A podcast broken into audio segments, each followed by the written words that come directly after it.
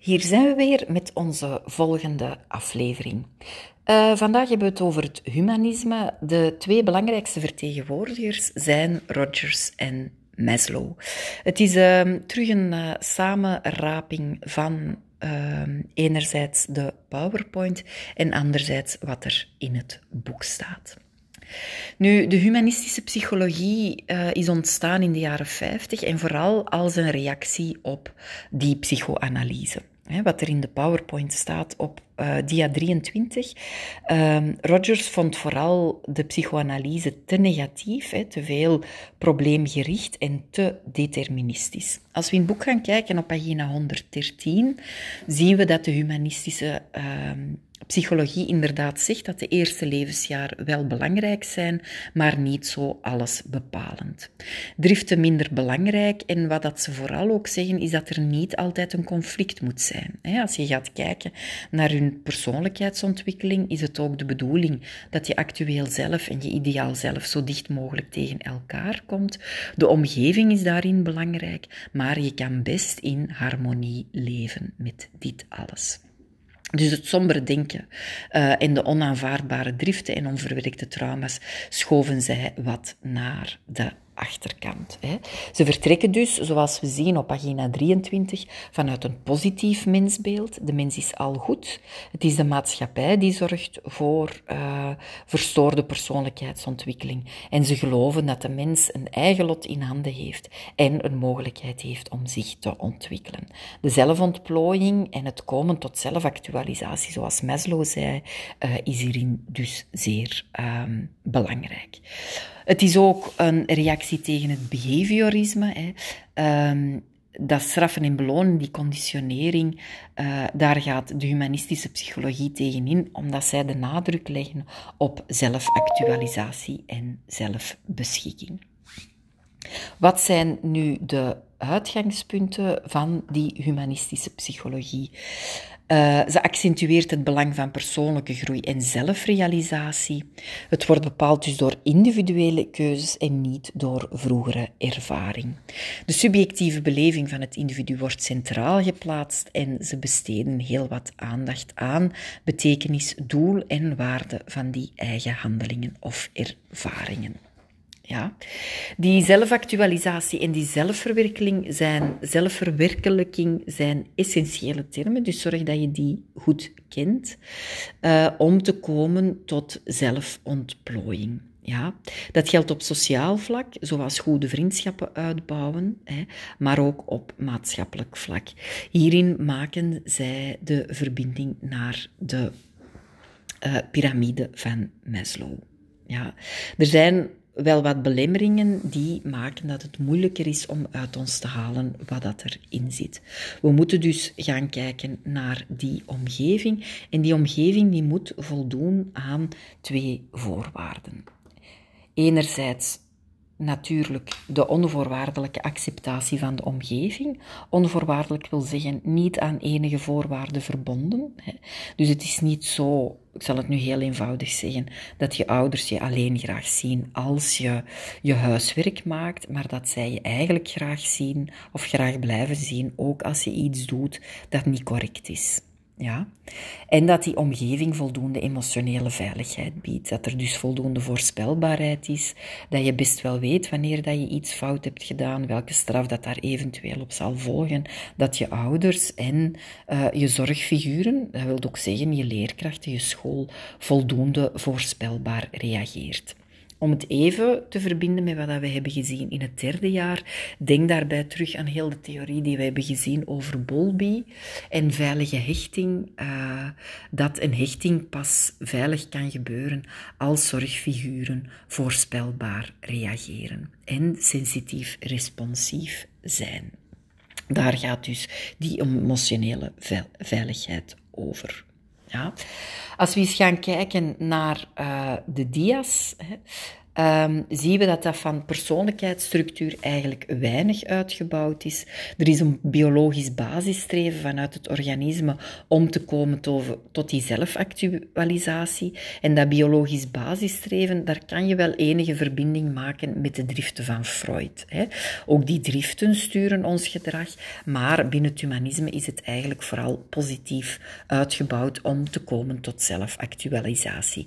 Eerder dan iets dat remmend is, zoals we bij die driften zien van Freud. Daarnaast is het zelf, hè, en we hebben enerzijds het actueel zelf en het ideaal zelf. Daar maken we wel de verbinding met Erikson, die eigenlijk ook een psychoanalist is, die uh, gezegd heeft van kijk, als het uh, verschil tussen het actuele zelf en het ideale zelf te groot is, dan worden we depressief is er een uh, te groot verschil tussen het actuele zelf en het door anderen opgelegde ideaal, hè, dus wat anderen van jou verwachten, dan worden we zeer angstig. Je kan dat ergens in je cursus bijschrijven. Op pagina 114 is er nog voldoende plaats. Dus die persoonlijkheidsontwikkeling hè, krijgen we de omgeving uh, die voldoende emotionele veiligheid moet bieden en onvoorwaardelijke acceptatie moet toestaan. Ja? In elke persoon zit dus een streven naar groei. Als we terug even kijken naar onze cursus, zien we in pagina 115 de behoeftepyramide van Maslow. Die ga ik niet helemaal meer overlopen, want ik denk dat die voldoende duidelijk is. De client-center therapie van Rogers uh, is eigenlijk iets dat we vooral in zes nog verder gaan zien, omdat dit echt al gaat over een therapierichting. Ja? Dus Rogers' verdienste ligt vooral uh, op therapeutisch vlak. En hij bouwt eigenlijk verder op het idee dat elk levend organisme een actualiseringstendens in zich heeft. Je kan hier terug het fragment van Gloria gaan opzoeken als je nog eens wilt kijken hoe hij zijn therapie uh, heeft um, uitgebouwd. Hè. Hij doet heel erg sterk op haar eigen vaardigheden, op haar eigen wensen, om zo te komen tot zelfontplooiing. Ja? Um, de twee voorwaarden worden daar nog eens herhaald op pagina 116. De client-center therapie van Rogers is een therapie waarin zelfbeeld dus centraal staat. Uh, hij zal de mens aanmoedigen om zelf te beslissen over wie hij zij is en uh, toegroeien van het actuele zelf naar het ideale zelf. In die zin is die therapie van Gloria een heel schoon voorbeeld, want ze zegt daar letterlijk: uh, ik vecht met mezelf over wie ik ben als vrouw en met mijn eigen noden en verlangens, ook op seksueel vlak, en het beeld als moeder dat ik wil zijn voor mijn dochter. Wat zal zij denken als ik ehm, inderdaad relaties aanga? Met iemand buiten mijn uh, vroegere man. Ja, dus daar zie je dat er een, een splitsing is tussen wie zij wil zijn, of wie zij is, en de verwachtingen die er bijvoorbeeld zijn door haar dochter, hè, door het andere opgelegde ideaal. Dus de cliënt staat centraal. Hij gaat niet uh, sturen, hij luistert. Uh, hij gaat uh, via ehm, bepaalde uh, technieken die we eigenlijk hebben gezien in het vierde jaar over actief luisteren, toepassen om eigenlijk op die manier de cliënt te laten komen tot zelfactualisatie. We hebben die uh, technieken nog wel eens overlopen. Uh, jullie wisten er nog een heel aantal. Hè. Het was het mm, het hummen, het stiltes laten, het parafraseren, het spiegelen van emoties, dat zijn eigenlijk de belangrijkste technieken. Als je gaat kijken naar um, die therapie met Gloria, zie je dat die die eigenlijk allemaal toepast op een, uh, op een korte tijdspanne. Ja? Um, de open houding, het gericht zijn naar de cliënt is daarin ook heel belangrijk. Dus Belangrijk is dat uh, Roger spreekt over cliënten, hè, daar waar um, Freud spreekt over patiënten. Uh, Rogers bouwt een gelijkwaardige uh, relatie uit met zijn cliënt, daar waar uh, Freud zich echt opstelde als de therapeut en als de um, de expert. Ja. Rogers wilde geen aanwijzingen wilde geven, geven vanuit eigen kennis of opvattingen, dus hij zeilt zijn eigen waardepatroon uh, naar achter om op die manier de cliënt alle ruimte te geven. Hij moet via zelfkennis tot zelfgenezing komen. Ja, dus hier is opnieuw het uh, teruggrijpen naar het geloof in eigen mogelijkheden heel belangrijk. Een therapie moet aan drie voorwaarden volstaan. Dus het is belangrijk. Ik heb het toen nog wel goed ge, uh, goed gerekend op de toets, maar dit zijn de voorwaarden waaraan een therapie moet voldoen. Dus echtheid, de therapeut moet authentiek zijn, moet oprecht kunnen luisteren en geïnteresseerd zijn in het verhaal van de cliënt. Er Anders kan er geen positieve relatie ontstaan. Dat wil zeggen, uh, ik heb jullie het voorbeeld gegeven. Ik heb ook mensen in therapie gehad die uh, feiten hebben gepleegd. Mensen zijn uh, mensen uit kansarme eh, milieus, soms mensen uit zeer rijke, welgestelde milieus. Dat zij een visie over opvoeding of over zorg dragen, dat ik daar eigenlijk geen waardeoordeel over mag hebben. En dat ik met dezelfde authentieke houding uh, zonder vooroordelen, zonder stereotypen in een begeleiding of een therapie moet uh, stappen. Ja, dat ik ook, mij ook zeer bewust moet zijn van als ik een, een, uh, een cliënt zie voor de eerste keer in de wachtzaal, van wat dat deze cliënt mij eventueel van stereotypen oproept. En dat ik moet zorgen dat die niet tussenkomen in een verdere begeleiding. Dus die echtheid en die authenticiteit draait daarom. Dat staat natuurlijk in verbinding met die onvoorwaardelijke positieve uh, waardering, dat ik hem zoveel of haar zoveel mogelijk respecteer en accepteer als mens met zijn negatieve en positieve punten. Wilt niet zeggen dat ik fout gedrag niet mag afgrenzen. Ik heb jullie het voorbeeld gegeven. Als er het vermoeden is dat een kind geslagen wordt, dat dit uh, slaan uh, besproken kan worden, zonder dat ik daar eigenlijk een oordeel over vel. Ja, dat er wel gezegd kan worden van kijk, dat is gedrag, dat moet stoppen, maar zonder dat we eigenlijk zeggen um, of de cliënt daar een schuldgevoel over geven. Dat is niet gemakkelijk, hè? dat klinkt een beetje dubbel, ik weet het wel, maar anders zal de cliënt ook nooit niet meer ter sprake brengen van ja, ik heb teruggeslagen. Ja, we gaan dan samen zoeken van oké, uh, hoe, is het, uh, hoe is het voorgekomen? Wat is er ervoor gebeurd? Wat is er daarna gebeurd? Wanneer ben je controle verloren? Maar dat we dat eigenlijk op een zo neutrale manier mogelijk bespreken. Dus empathie, hè, ook daarin, hè, uh, dat je empathie probeert op te brengen voor het moment dat een ouder er bijvoorbeeld terug terug een kind geslagen heeft, dat je gaat kijken van oké, welke gevoelens roept het dat bij je op, dat je die gevoelens van machteloosheid of van aanmacht probeert te bevragen en ook probeert te ondersteunen. Ja. Dus Roger heeft in het therapeutisch proces uh, zijn therapie onderverdeeld in zeven fasen. Uh, die fasen hoef je van mij echt niet te kennen. Uh, je mag die gerust eens gewoon doorlezen. Ja? De kritische opmerkingen uh, zijn belangrijk. Hè. Die drie basishoudingen uh, zijn ondertussen uitgangspunten die in alle therapierichtingen ingang hebben gevonden. Ja? En die eigenlijk elke therapeut spontaan zal toepassen. Ja? Uh, zijn psychotherapeutische houding is echt enorm, enorm waardevol geweest en inderdaad ook universeel toepasbaar over alle verschillende richtingen. Het zijn anderzijds ook algemene menselijke waarden en belevingen hè, die uh, de grenzen van de psychotherapie overstijgen. Ook in gesprekken met vrienden, met ouders, met grootouders, met familieleden, met al wie je lief hebt, uh, is dit zeer belangrijk. En de positieve en optimistische visie, het geloof in verandering, hoe moeilijk het ook is, is toch wel iets wat we in heel veel therapierichtingen zien. Um, er is zo'n richting, korte, allez, probleemgerichte therapie, die eigenlijk eigenlijk therapie doet die maximaal bestaat uit vier à acht sessies, waar er vooral ingezet wordt op dit zelfoplossend vermogen van mensen.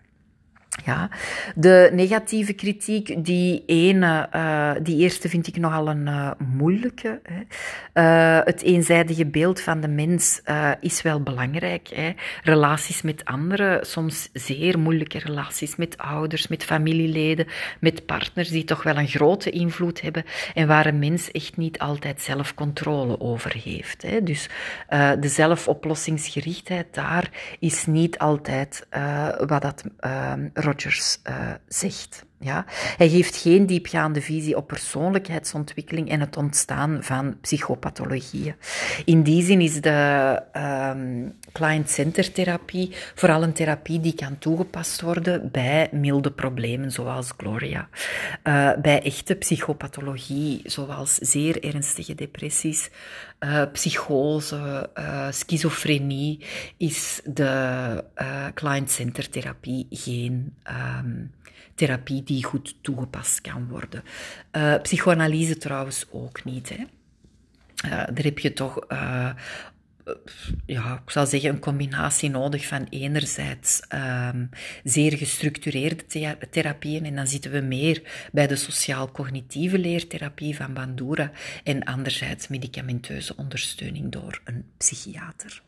Dus als we zien naar de verschillen tussen de humanistische psychologie en de psychodynamische, dan overloof ik ze nog eens even. Um, dus de driften regeren niet alles. Hè. Er is een biologisch basisstreven, maar de driften zijn niet alles overheersend. De mens in het hier en nu um, bij het humanisme. Freud gaat veel meer naar het verleden.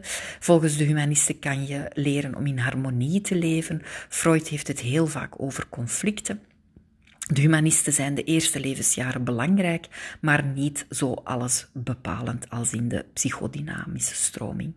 De humanisten benadrukken het positieve, terwijl de psychodynamische toch eerder een negatieve visie heeft over de mens. De verschillen tussen het humanisme en het behaviorisme. Uh, behaviorisme legt de nadruk op leren. Hè, en daar is terug uh, het verband met de sociaal-cognitieve leertheorie van Bandura, door conditionering en opvoeding. En het humanisme zegt je kan zelf kiezen door wie je laat beïnvloeden en ook hoe uh, je jezelf laat opvoeden. Hè. We weten dat dat toch eerder wat beperkt is. Ja? En behavioristen zeggen dat een mens eigenlijk niet meer is dan een dier, waar dat we weten dat onze cognitieve processen toch wel anders zijn. Ja? Goed, als we de andere opdrachten nog eens even kort overlopen. Hè. Dus als we gaan kijken hoe Freud uh, Sophie zou benaderen, hij zou vooral de focus leggen op haar verleden op de eerste vijf levensjaren. Band met de moeder en de vader zou in. Um, uh, zou nader bekeken worden. Hij zou op zoek gaan naar mogelijke conflicten die aan de basis liggen van de angst. Uh, zo kan het zijn dat zij haar moeder verwijt dat ze destijds zo negatief en overbeschermend reageerde, want die reacties kunnen aan de basis liggen van haar angst. Ja. Het uber-i dat in, het conflict, uh, in conflict komt met het uh, S als ook met het ich. Als we gaan kijken naar Maslow en hoe hij Sophie zou benaderen, uh, zou vooral de nadruk leggen op het gebrek aan veiligheid. Uh, en als Maslow therapie zou geven, dan zou zijn focus vooral liggen op het laten weerklinken van onveiligheid. Rogers die zou luisteren naar Sophie, uh, hij zou haar het gevoel willen geven dat ze er mag zijn, zou geen oplossingen suggereren, maar zelf laten zoeken, zodat ze meer haar eigen gedachten en gevoelens kan uiten en Sophie geleidelijk tot inzicht kan komen. Hij zou dit natuurlijk doen door zijn open, non-directieve houding en uh, vooral uh, parafraseren, stiltes laten, um, hummen en zo verder. Goed. Uh, het was een lange 18 minuten. Uh, je mag ze gerust in stukjes uh, houden. 18 minuten non-stop naar mij luisteren. Ik kan mij ook voorstellen dat dit in Corona redelijk vermoeiend is. Goed, hou jullie goed en tot later.